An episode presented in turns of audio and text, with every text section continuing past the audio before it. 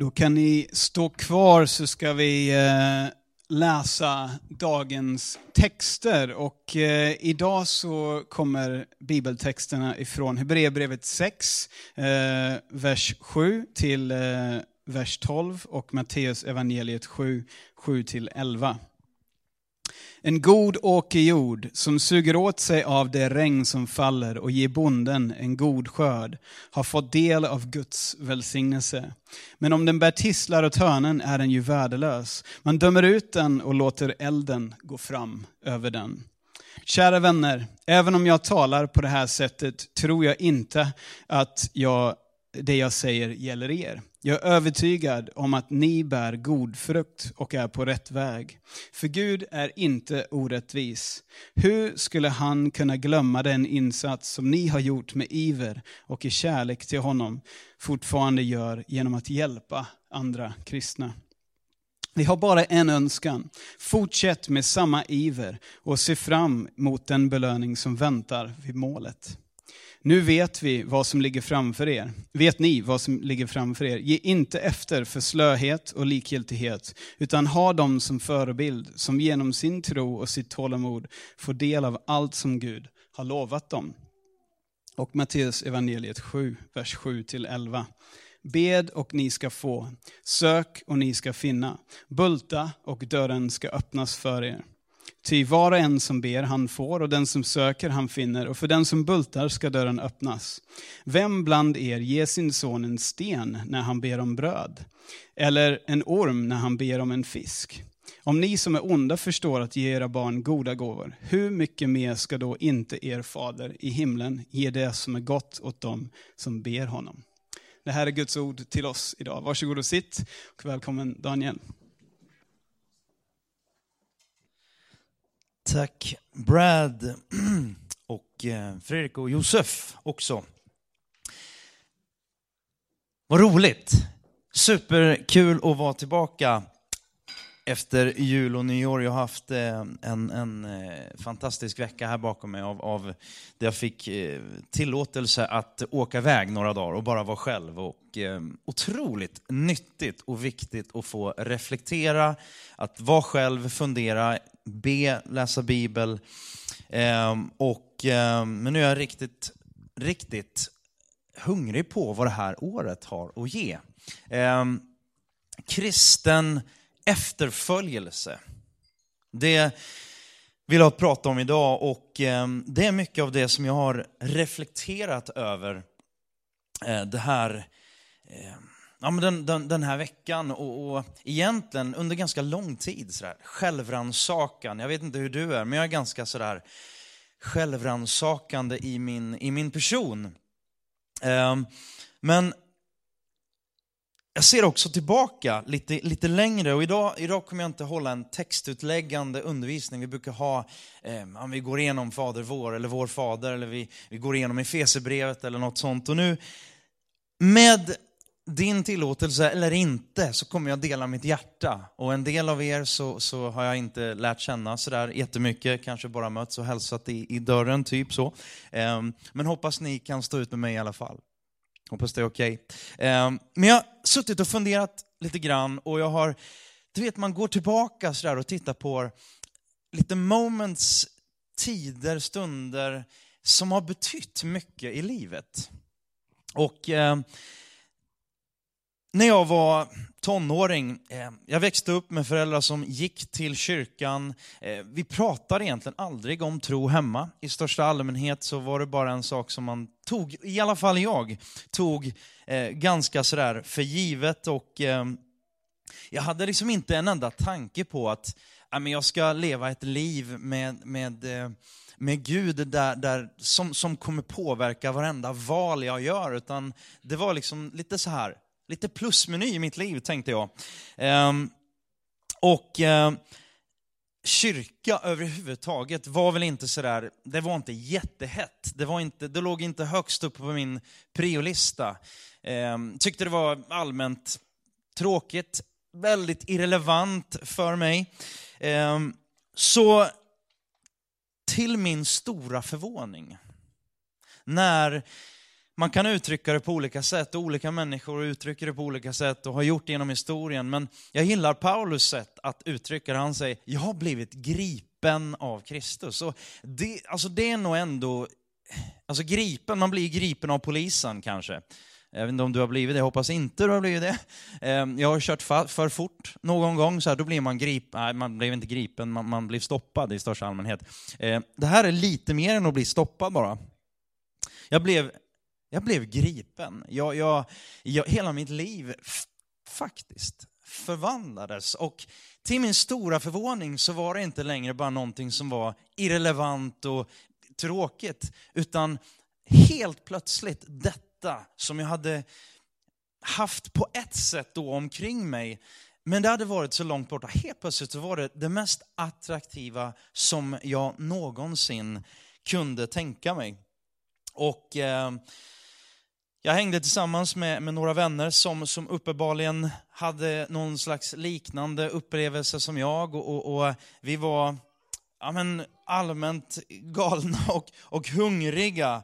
Och eh, vi träffades ofta, så ofta vi kunde och sjöng lovsånger och bad och, och läste. Det var väldigt markant skillnad eh, före och efter den här liksom, den, den situationen. Sådär.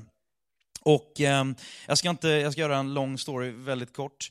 Eh, så i alla fall där så, så eh, var med om en massa saker eh, där, där man som ung liksom börjar lära känna sig själv kanske och till viss del en del av de sakerna som ja, men jag tänker att Gud kanske har en plan för mitt liv och ungefär det här ska jag göra. Och eh, jag flyttade till, eller jag fick för mig att ja, men Gud vill nog.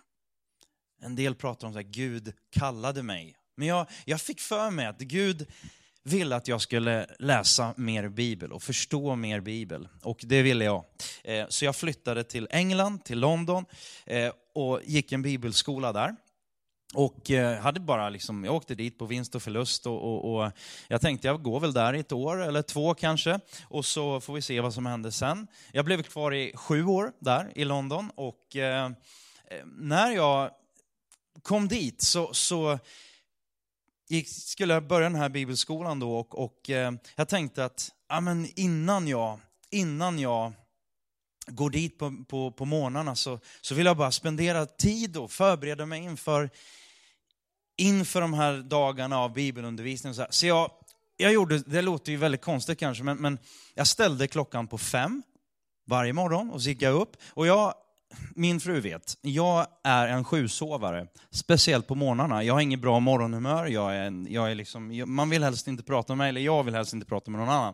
Eh, självklart vill jag prata med min fru, alltid. Men, men inte på morgonen. Eh, I alla fall så kom jag på det att, att det är så skönt att ligga och dra sig. Så då tänkte jag så här, men om jag, om jag sover på golvet, då är det inte så skönt att ligga kvar och dra sig. Så att då tänkte jag, ja, men då sover jag på golvet och så är det lättare att stiga upp. Och så gjorde jag det ett tag. Eh, varför berättar jag det då? Jo men det är för att när man är ung och, och galen så bara, nej men man gör liksom det som krävs på något sätt. Man bara vill vara passionerad. Jag måste säga, jag, jag, jag älskar passionerade människor. Och, och eh, mitt i allt det där så, så eh, jag tänkte liksom sådär, ja, men det här, så här kommer livet alltid vara. Eh, Linda pekar, stå i ljuset. Det är så svårt. Eh, ja, men så här kommer livet vara. Så jag gick upp tidigt på morgnarna och eh, det, det, var liksom, jag levde lite på moln sådär kan man ju säga. Och eh, några år senare, eller faktiskt bara ett år senare, jag var 22 år gammal och fick frågan om jag ville bli Eh, om jag kunde tänka mig att, bli ungdomspastor i den här församlingen. Jag kunde knappt engelska och jag, det var liksom, eh, ja. Men jag tackade i alla fall ja.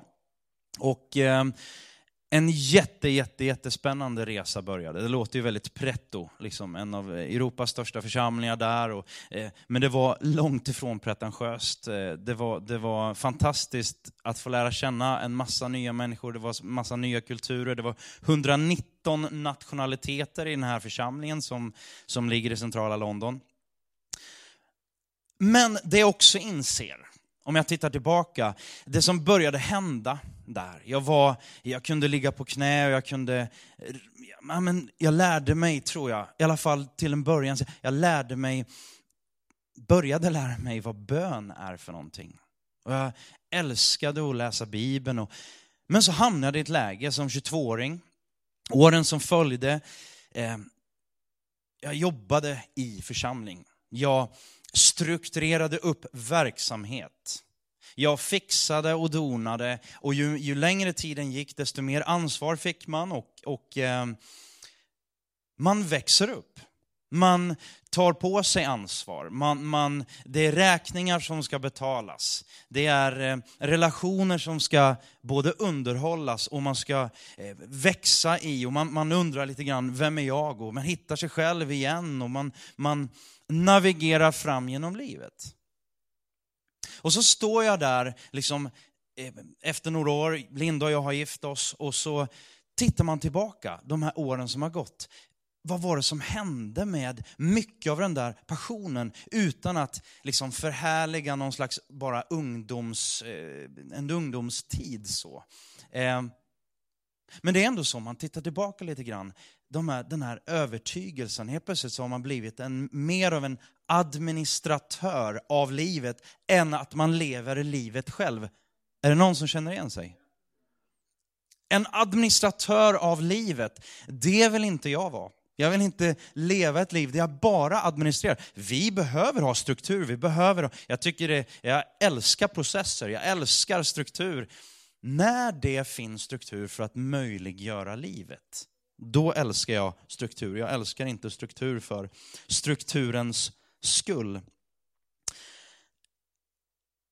Men det verkar för mig att kristen efterföljelse, det kommer definitivt inte av sig själv.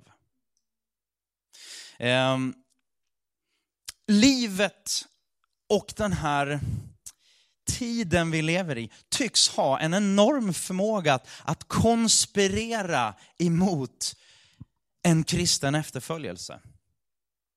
Verkar ha en förmåga att pusha oss till en medioker individualistisk och ganska egocentrisk livshållning. Jag tror, ja men för de flesta som, som jag då, som ville och vill kalla mig för en Kristi, en Jesu Kristi efterföljare, den största faran kanske inte är att man bara så här vaknar upp en dag och säger, nu förnekar jag min tro. Men jag tror att många lever i faran att vi nöjer oss med det som är mediokert. Det som är halvvägs in i det som Bibeln talar om, som, som, ja, som vi läste, eller som Brad läste det här, om man tar sista versen där, Hebreerbrevet 6 och 12.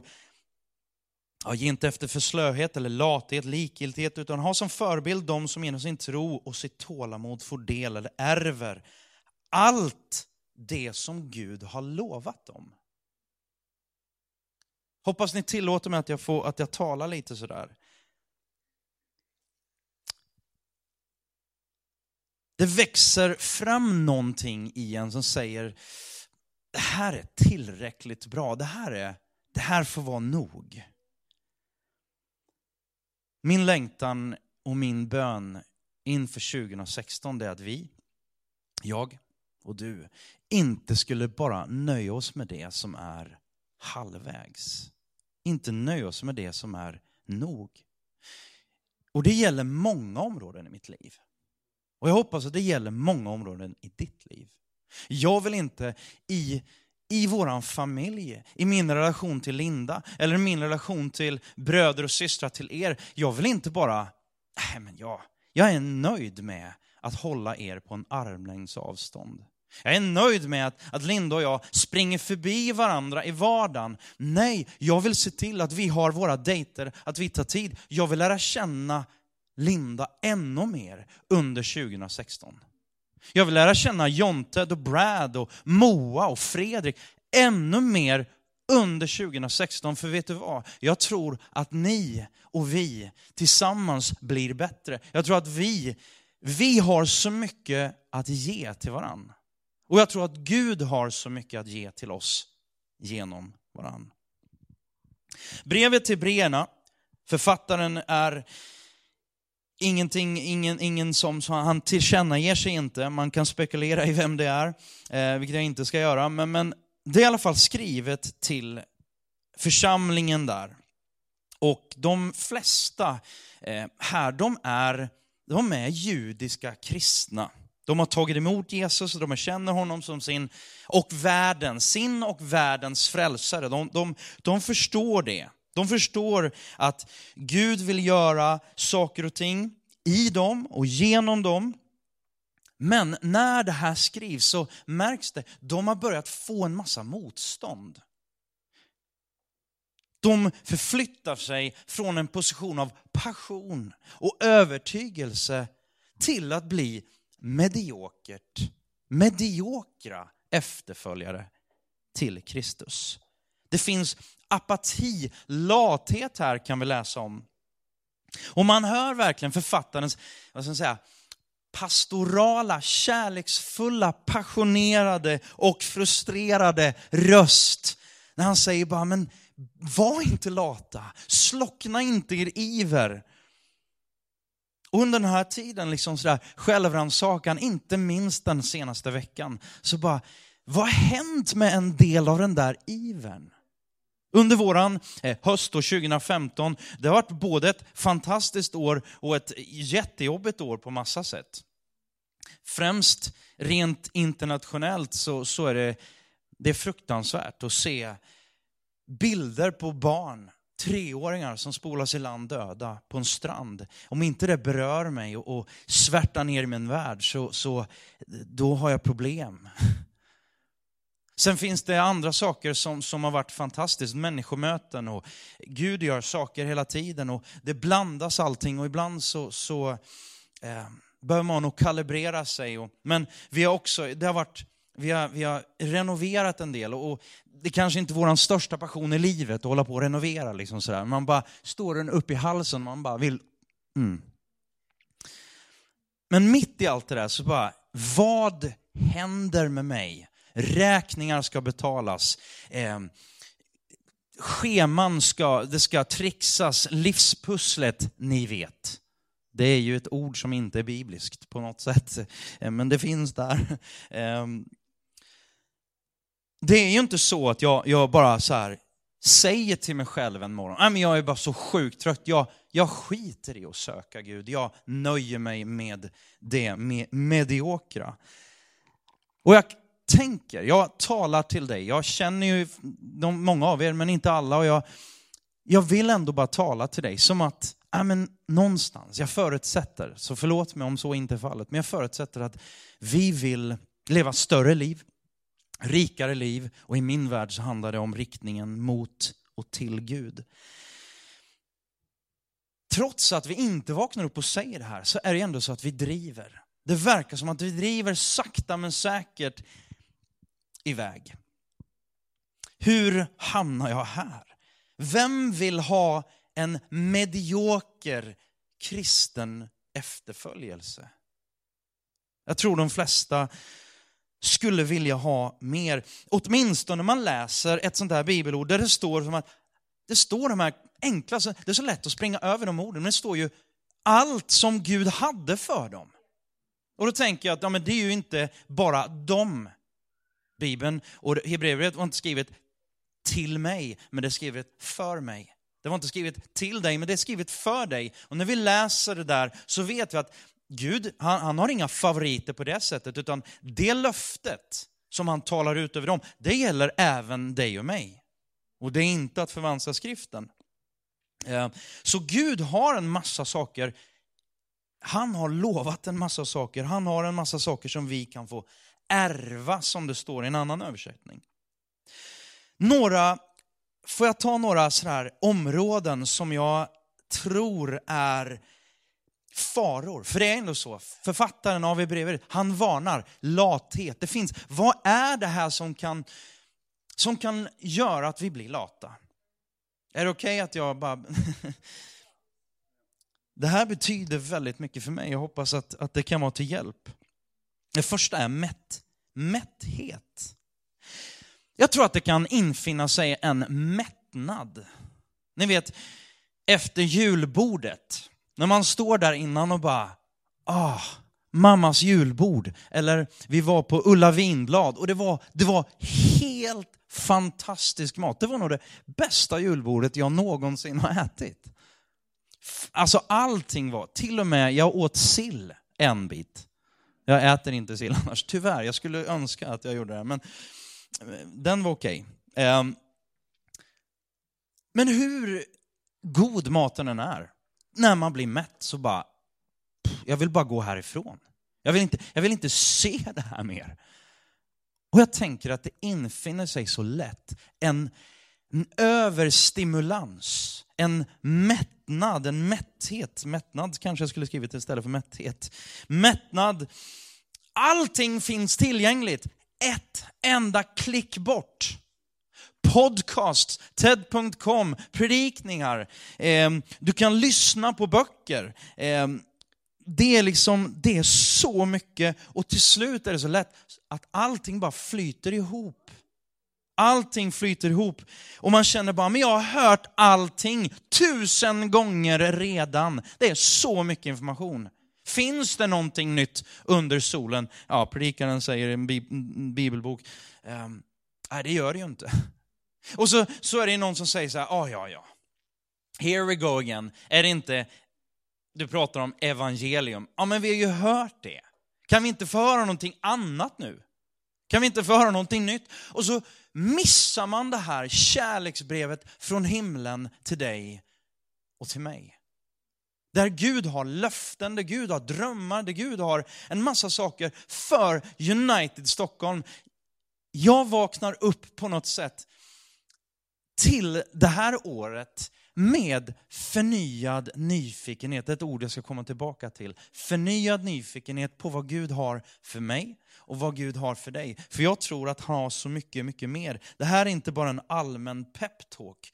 Utan Ordspråksboken eh, 27.7 säger så här. Den mätte, julbordet ni vet, trampar på honung och när man lyfter upp honung i gamla testamentet, eller överhuvudtaget i Bibeln, det är liksom, tänk dig det bästa, det, det godaste som finns. Det flödar av mjölk och honung. Det är liksom så här, det, alltså det kan inte bli bättre. Det är Ulla Vinblad, det är liksom... Den mätte trampar på Ulla Vinblads julbord. Den hungrige tycker att allt bittert är sött kontrasten. Så mycket information. Det är så lätt att vi blir likgiltiga. Och, och med det här då, den treåriga killen som spolas i land på den här stranden. I nästa sekund, i samma ruta, det bara bryter av. Och så är det ett, ett underhållningsprogram. Och din och min hjärna bara, vi har inte tid att smälta. Vi har inte tid och vi stannar ju dessutom inte upp. Utan sociala medier bara pumpar på. Och ja, visst kan vi bli berörda. Men hur ofta tar vi tid och ställer frågan, vad är det som håller på att hända i vår värld? Vad är det som håller på att hända i mitt kvarter där jag bor? Det sitter hemlösa precis utanför dörren vad är det som håller på att hända? Vad är det som, vad liksom, det blir lite som en artificiell liten ingrediens, tillräckligt mycket av the real McCoy, den riktiga varan liksom. Så får jag bara en liten dos av det som ett vaccin, så att jag sen motstår det som egentligen är verkligt. För jag orkar inte ta in det, för jag är mätt. Kan du känna igen dig? Man slutar vara hungrig. Man slutar vara nyfiken. Julbordet, man bara undrar vad det där smakar. Undrar vad det där är för någonting. En annan grej som, som någon slags tryck som finns är, ja det är ett kulturellt motstånd. De flesta, de flesta som författaren skriver till är som sagt judar. Och först är de, de är riktigt ivriga.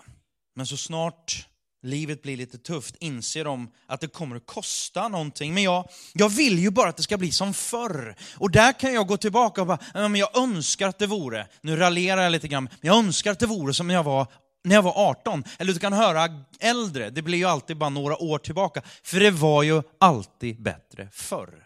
Kära vänner, det var inte bättre förr. Ja, vissa saker var bättre, men andra saker var ju sämre. Och jag tänker att jag vill inte vara en människa som lever med, med blicken fäst på backspegeln. Utan jag vill ju, det finns ju en anledning att, att, att framrutan är ofantligt mycket större än, än backspeglarna. Jag vill ju leva med blicken fäst framåt. Det blåser motvind, det kostar på. Men alla som gjort skillnad i våra samhällen, i olika tider, de som har gjort någonting som inte tidigare gjorts, har ju uppenbarligen gjort någonting som tidigare inte har gjorts. Jag är en, en obotlig, och jag är på det sättet är jag en obotlig romantiker.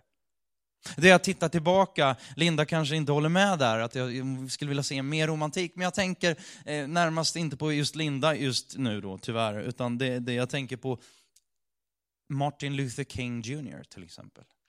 Det jag läser och en biografi jag kan läsa om, jag kan bli så otroligt attraherad och, och jag kan ju bara längta. Gud, jag tror att du har så mycket mer för så många av oss. Hade han inte gått emot, hade han inte orkat gå emot strömmen, hade han bara, nej men jag accepterar att det är mediokert. Nu har det i alla fall blivit lite bättre. Då hade, då hade the civil rights movement, på den, alltså medborgarrättsrörelsen, det som hände hade aldrig ägt rum. Det här med kulturellt motstånd. Eh, ni har säkert läst, det här var, var många år sedan, eh, eller många, men, men, säkert fem, fem år sedan. Eller sånt där. Peter Stormare, vår käre Peter, eh, skriver på sin, jag tror att det var på sin Facebook faktiskt, han skriver så här, det kommer upp på skärmen tror jag. Jag kan, teoretiskt sett, spela en enmansföreställning i tre timmar på Dramatens stora scen. Där jag vandrar fram och tillbaka en monolog skrikandes svordomar och könsord för att avsluta denna monolog med att sätta mig på en hink och uträtta mina naturbehov. Ingen i Sverige skulle reagera på att detta var något konstigt. Förmodligen skulle jag hyllas som konstnärligt nyskapande. Men om jag stillsamt konstaterar att jag i likhet med de flesta andra människorna på jorden tror på Gud, så tycker människor att jag är suspekt. Detta är Sverige idag. Jag, jag vill inte be om ursäkt, varför, vare sig för min tro, som, som flera lyft fram, så tror jag att det är otroligt viktigt att ha respekt och när vi pratar om, om eh, att ha tolerans i, sitt, i, sin sanna bemärkelse, inte Henry Ford-tolerans och Henry Ford-demokrati där man får, ja du får tycka vad du vill, vilken, du får välja vilken färg du vill på bilen så länge den är svart. Det är för mycket av sånt i Sverige.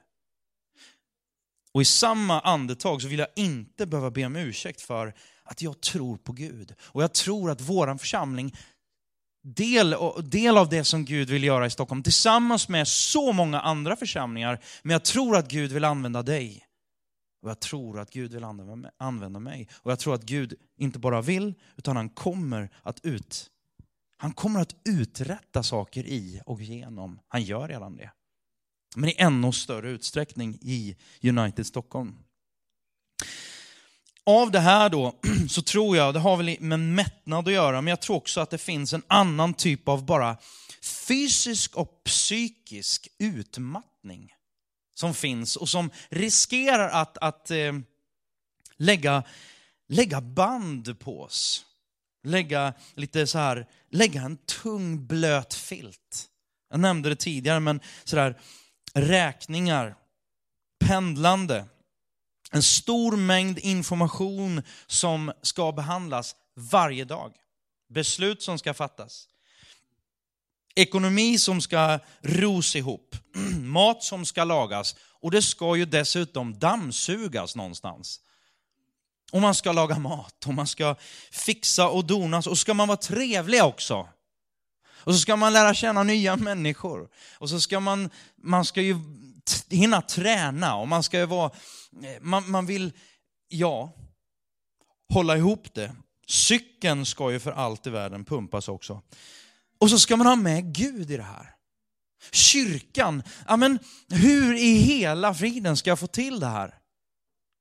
Jag ska återkomma till det, men det är ju en jätteviktig bit. Man kan ju bli svettig för mindre. Man blir svettig av att tänka bara på allting som ska göras och fixas och donas med. Apostlagärningarna 2, 42-47 tror jag innehåller lite av, för här vill jag bara kasta in lite av svaret. För vi får inte ge upp. Kyrka, det har redan nämnts lite grann sådär, kyrka måste vara mer än bara en plusmeny.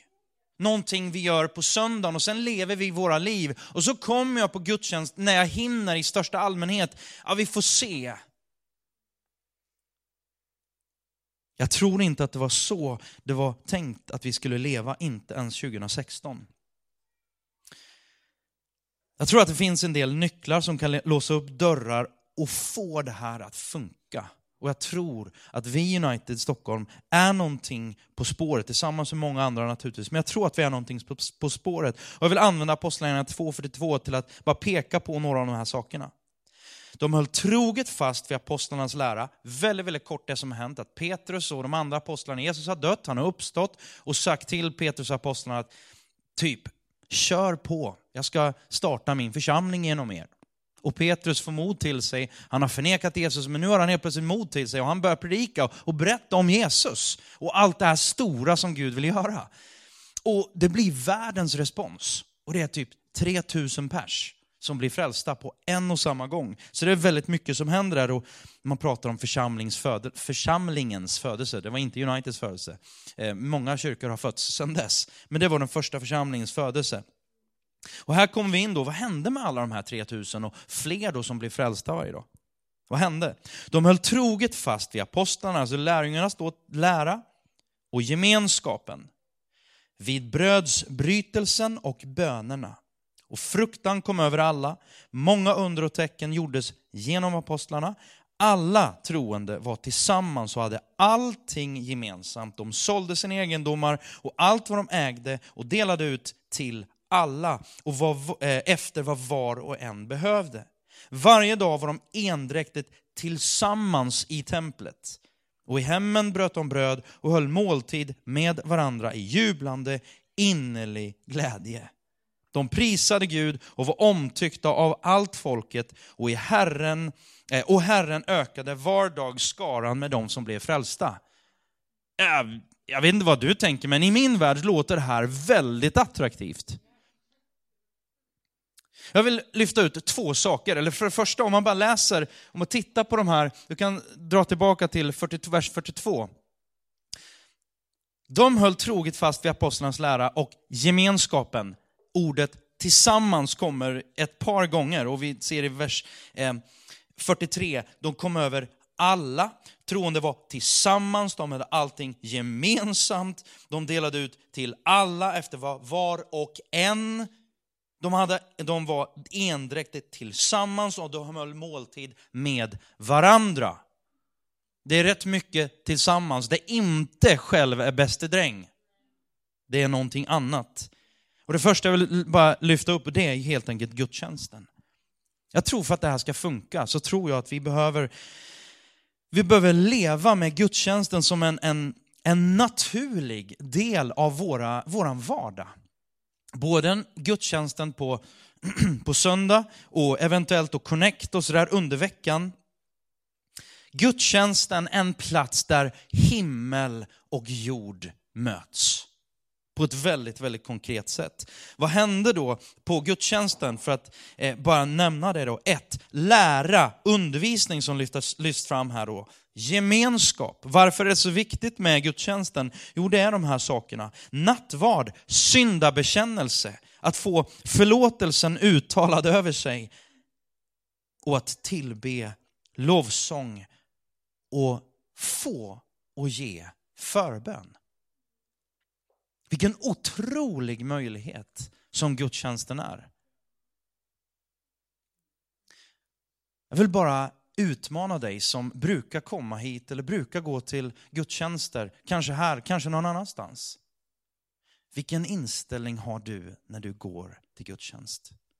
Går du och bara bockar av en sak i veckan som ska göras och egentligen skulle du helst göra någonting annat.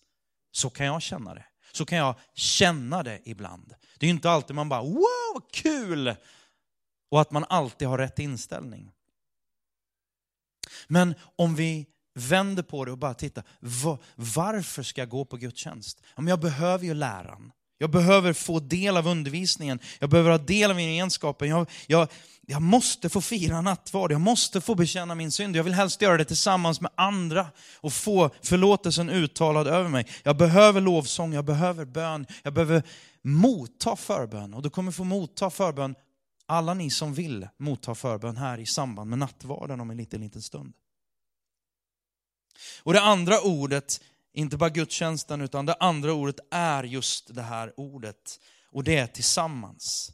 Ensam är inte stark. United, och inte bara United, utan kyrkan, Guds församling, är så mycket mer än gudstjänsten. Det är 24-7. Det är en viktig del, men det är långt ifrån allt. Jag tänker, det som tydligt står här, det är att man hjälper varandra praktiskt. Man hjälper varandra ekonomiskt. Man lagar förmodligen mat tillsammans, det kom fram här. Varför inte äta de där torsdagsköttbullarna tillsammans med någon? Jag tänker att det är otroligt viktigt. De fanns i hemmen, de bröt bröd, alltså de firade nattvard även i hemmen och de, de jublade, de skrattade uppenbarligen tillsammans. De grät säkert tillsammans, de samtalade, de delade livet.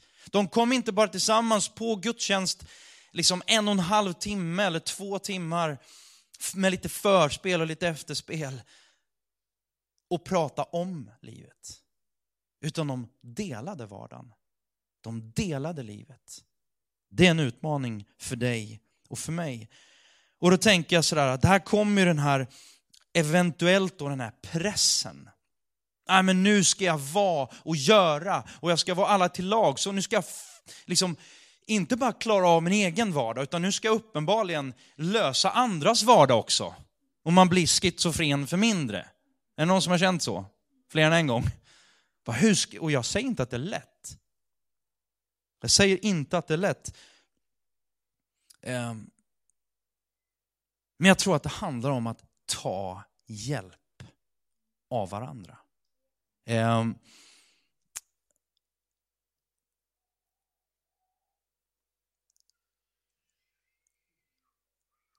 en, sådär, en, en, en vad ska man säga, ett citat eh, som kommer lite senare här, men, men, men som jag bara, just det här med att få till saker. Då står det så här, eller någon sa så här, don't fill your schedule with missional activities, alltså missions, liksom utåtriktade. Eh, man ska finnas till för andra med andra ord.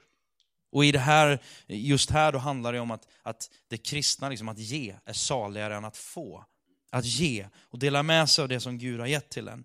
Men don't fill your schedule with missional activities, but make your activities missional. Se till, försök inte att hitta på ännu fler aktiviteter som du ska göra. Utan se till att det du gör, ditt liv du lever, att det blir format av, liksom saturated, vad säger man? Eh, marinerat och dränkt i kristen efterföljelse. Bjuda in fler när du äter. Du ska ju ändå äta. Den som är hungrig kanske kan få äta. Eller den som är mätt kan åtminstone få umgås. Alla behöver äta någon gång. Och alla behöver gemenskap. Vi tror på, vi pratar om integrerat liv. Låt mig gå på en annan sak, en, en, en varning, en sån här äh, men fara. Och jag tar mig friheten att jag kommer predika lite, lite längre. än, än vad jag brukar göra, eller vad vi brukar göra. Hoppas det är okej. Okay. Det blir kanske en tio minuter till. Orkar ni tio minuter till? Det var lite osäkert men kompromiss. Kompromiss kan vara jättebra. Kompromiss behöver du göra i all kommunikation, har jag lärt mig. Liksom det utan kompromiss så finns inte kommunikation. Man möts och man får ge avkall, man möts liksom. Och, men det finns också en väldigt negativ kompromiss. Man blir för pragmatisk, man blir cynisk. Är det någon som bara inser att jag är cynisk, jag dömer ut folk redan innan jag har lärt känna dem. Se på kläder, se på ut, bara, nej, jag har dömt ut dem för länge sedan. Jag har dömt ut mig själv. Alltså jag har prövat det här, jag testat, det gick inte. Jag kommer in, det gjorde så sjukt ont. Jag tänker inte öppna mitt hjärta för någon igen, för det gjorde så ont. Jag har blivit så sårad, jag kommer inte göra om det misstaget. Och jag tänker inte ge kärlek på det sättet. Jag kan ge hit, men inte hit. Här är det stopp. Man börjar kompromissa med ens djupaste värderingar. Då är inte depressionen långt borta, kära vänner. Jag vet att det inte är rätt att göra så här, men jag är ju värd det. Jag har varit med om så mycket elände, jag är värd det här. Jag förtjänar lite extra njutning. Ingen ska komma hit och säga till mig att det här är fel. Ah, att jag behandlar den och den personen sådär. Hallå, jag har blivit så illa behandlad själv. De får väl skylla sig själva. Och så börjar man kompromissa med övertygelser. Inte minst tror jag att vi, vi skulle vi titta och börja syna, vilket vi inte ska göra, och vi, ingen av oss skulle våga det. Bara blotta våra liv. Jag tror att många av oss, kanske inte helt och hållet, men vissa delar, vi lever dubbelliv. Sminkade delar av våra liv som ser mycket mycket, mycket bättre ut än vad det egentligen är. Kompromiss och ren synd, ren, eh, rent elände är så nära. Det är bara att plocka upp mobilen och du har hela världen at your fingertips. Galaterbrevet 6. Eh, jag läser bara eh, vers 7 där. Bedra inte er själva, och vers 8 och 9. Bedra inte er själva. Gud bedrar man inte. Det människan sår ska hon också skörda. Den som sår i sitt kötts åker ska av anden skörda, eh, an, eh, förlåt. Den som sår i sitt kötts åker ska av köttet skörda undergång, men den som sår i andens åker skall av anden skörda evigt liv. Och så säger, så säger han, låt oss inte tröttna på att göra gott. Alltså, kan man bli trött på att göra gott? Är det någon som har blivit trött på att göra gott någon gång? Men låt oss inte tröttna på att göra gott, ty när tiden är inne får vi skörda om vi inte ger upp. Jag vet inte hur det är med dig, men, men när man kommer till Stockholm så bara, alltså man blir ju som, vi kan, har, har vi den bilden på, på, på Tintin och Kapten Haddock? Alltså hur mycket, alltså man börjar bara, alla möjliga ord och man börjar liksom svära, man börjar liksom hålla på på, han har så fantastiska uttryck här. Vid alla focksegel, anfäkta och anamma, amöba, ja, jag ska inte läsa alla dem, men, men helt plötsligt så bara, man, man börjar umgås, man börjar prata på ett, på ett sätt som bara, alltså det har, inte, det har inte med hjärtat att göra. Förhoppningsvis. Förhoppningsvis. Det här tror jag kan leda till nästa, nästa bild. Förtal. Jag var tvungen att stryka över ett ord där. Tyckte inte det passade i kyrkan. Jag hatar människor som snackar skit. Jag med. Margit snackar så jävla, äh, förlåt, mycket skit. Ja, och fet är hon också. Och ful. Förtal. Hur många gånger så bara talar vi inte illa om människor. Vi börjar kompromissa. Nästa bit, lögn. Det leder till lögn många gånger. Så där känner vi oss. Eller vi kanske har slutat känna oss sådär. Fingret, crossed fingers bakom ryggen. Bara, ja, nej, nej, det är bra. Det är jättebra. Allting är frid och fröjd. Det kan leda till, och många gånger så går vi omkring med avundsjuka. Hon ser sjukt bitter ut hon på vänstersidan. Hon är avundsjuk. De sitter och delar en god varm kopp choklad, eller är det en mocka kanske? Med grädde på. Avundsjuka. Går vi omkring, vi jämför oss. Om man tänker, man, jag har studerat, jag har fixat, jag har donat. Jag skulle kunna göra det där han gör, eller det där hon gör, så mycket bättre. Det där borde vara jag. Eller, tänk om jag hade det där. Och så är jag så otacksam för det jag har och avundsjuk på det jag inte har.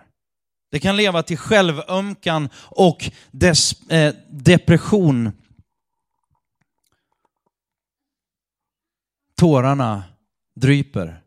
Självömkan, det är synd om mig. Självömkan och, och, och den, det leder väldigt, väldigt ofta till projicering och man börjar återigen förtala, ljuga och skylla ifrån sig. Och jag tar inte, tar inte ansvar för mina handlingar. Hurt people, hurt people, sa någon. Och det kan leda i värsta fall, och för många, det kan leda till till exempel medicin, medicinering, droger. Ja.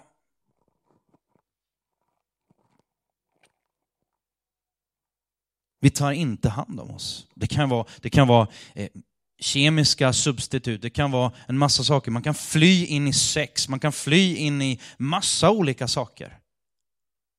Är de här sakerna, är sex fel? Nej, ha mycket sex inom äktenskapet. Men det, det är ju liksom, vad, vad handlar det om?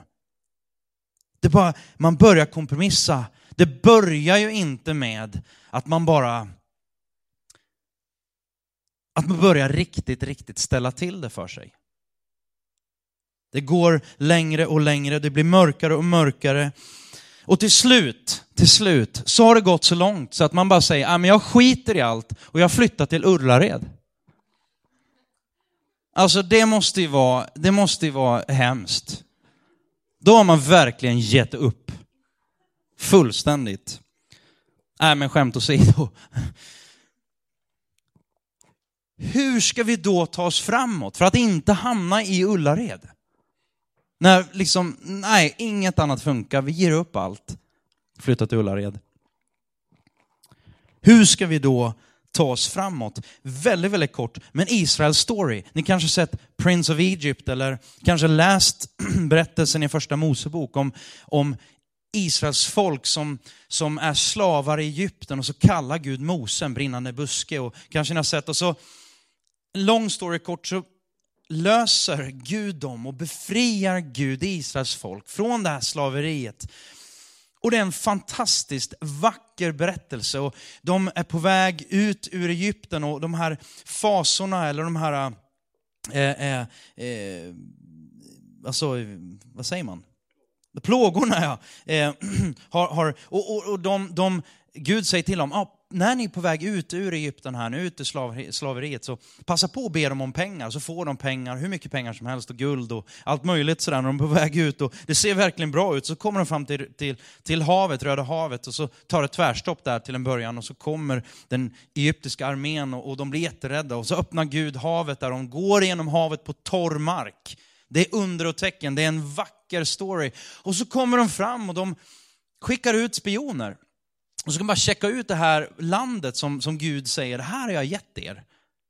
Och så springer det in 12, 12 killar då in i det förlovade landet, kanan, och de kommer tillbaka och säger just de här orden. Alltså det är bättre än vad vi trodde. Det flödar av mjölk och honung. Ulla vinblad, gånger mycket. Och så mitt i det där, så bara, men, men säger de, det finns ett problem. Det, det, finns ett folk där som för oss tycks se ut, de ter sig, det som jättar. Och så börjar Israels folk, de har varit med om allt det där fantastiska, och så börjar Israels folk bara, nej det här går inte. Vi får lägga ner, vi flyttar till Ullared. Eller de säger faktiskt, vi, vi, vi ska tillbaka till Egypten. Och så, det är så extraordinärt, för vid ett tillfälle så säger de sådär, de hade ju purjolöks och, och rödlökssoppa där i Egypten. Det var ju fantastiskt, vi måste få gå tillbaka.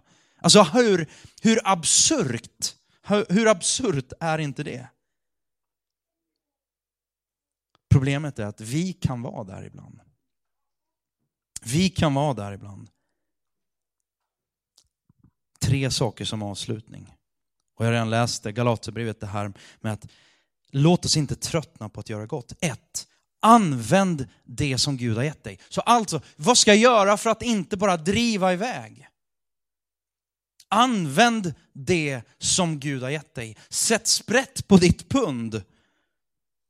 De flesta människor överskattar vad de, kan, göra under ett år, men de flesta underskattar vad de kan göra på tio. Man tänker, man kan ha kört på och man bara, nej men det gick inte. Ge inte upp. Kasta ut ditt nät igen, kanske på andra sidan båten den här gången, men kör på. Vänta inte, sitt inte på paus. Du kan inte göra allt, men alla kan göra någonting. Klyscha, jag vet, men det är så sant.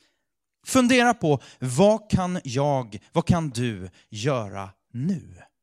Vad kan du göra nu för att ändra lite grann, ändra lite grann, korrigera lite grann?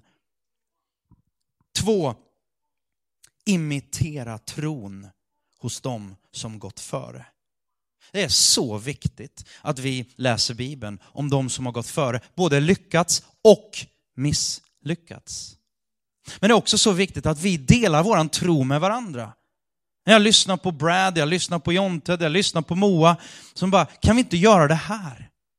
Kan vi, inte, kan vi inte ta och bara enkelt lägga upp våra böneämnen eller tacksägelseämnen på Instagram, så delar vi det med varandra.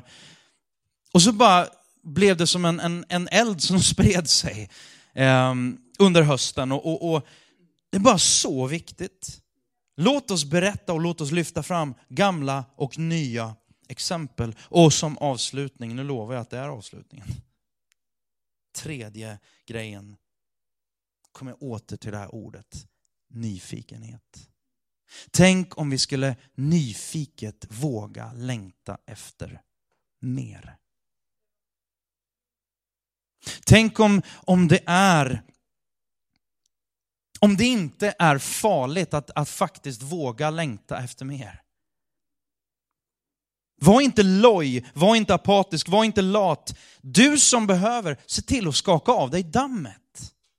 Det kanske är alldeles för mycket damm. Och jag pratar inte om en press, och det är därför jag, jag vill använda det här ordet nyfikenhet, för det har ingenting av press i sig. Det handlar inte om att nu ska du bara pumpa upp någon stämning, så ska du försöka lyfta dig själv i håret, och så ska du göra det här själv. Jag tror på en, en nyfiken inställning när man kommer tillbaka till det här som står i Hebreerbrevet. Det här, jag är nyfiken på allt det som Gud har för oss. Be och ni ska få. Sök och ni ska finna. Bulta och dörren ska öppnas för er. Ty var en som ber, han får. Och den som söker, han finner. Och för den som bultar skall dörren öppnas. Amen, himmelske far. Vi vet att det finns en massa, ska vi säga, faror, yttre på, påtryckningar, yttre saker som kan få oss att gå vilse, gå snett. Och jag ber Gud, så som du undervisade om i vår Fader, i Herrens bön. Hjälp oss Gud. När frestelser, när, när, eh, när situationer, när utmaningar kommer vår väg. Hjälp oss att inte vika undan, att vika ner och nöja oss med det mediokra. Gud i himmelen, hjälp oss att vara nyfikna på mer. Att vara nyfikna på det som du har för oss under 2016. Herre välsigna var och en, där drömmar har gått i kras, där, där man kommit till korta, där man är trött och apatisk och cynisk. Gud, återuppliva någonting på vår insida. I Jesu namn. Amen.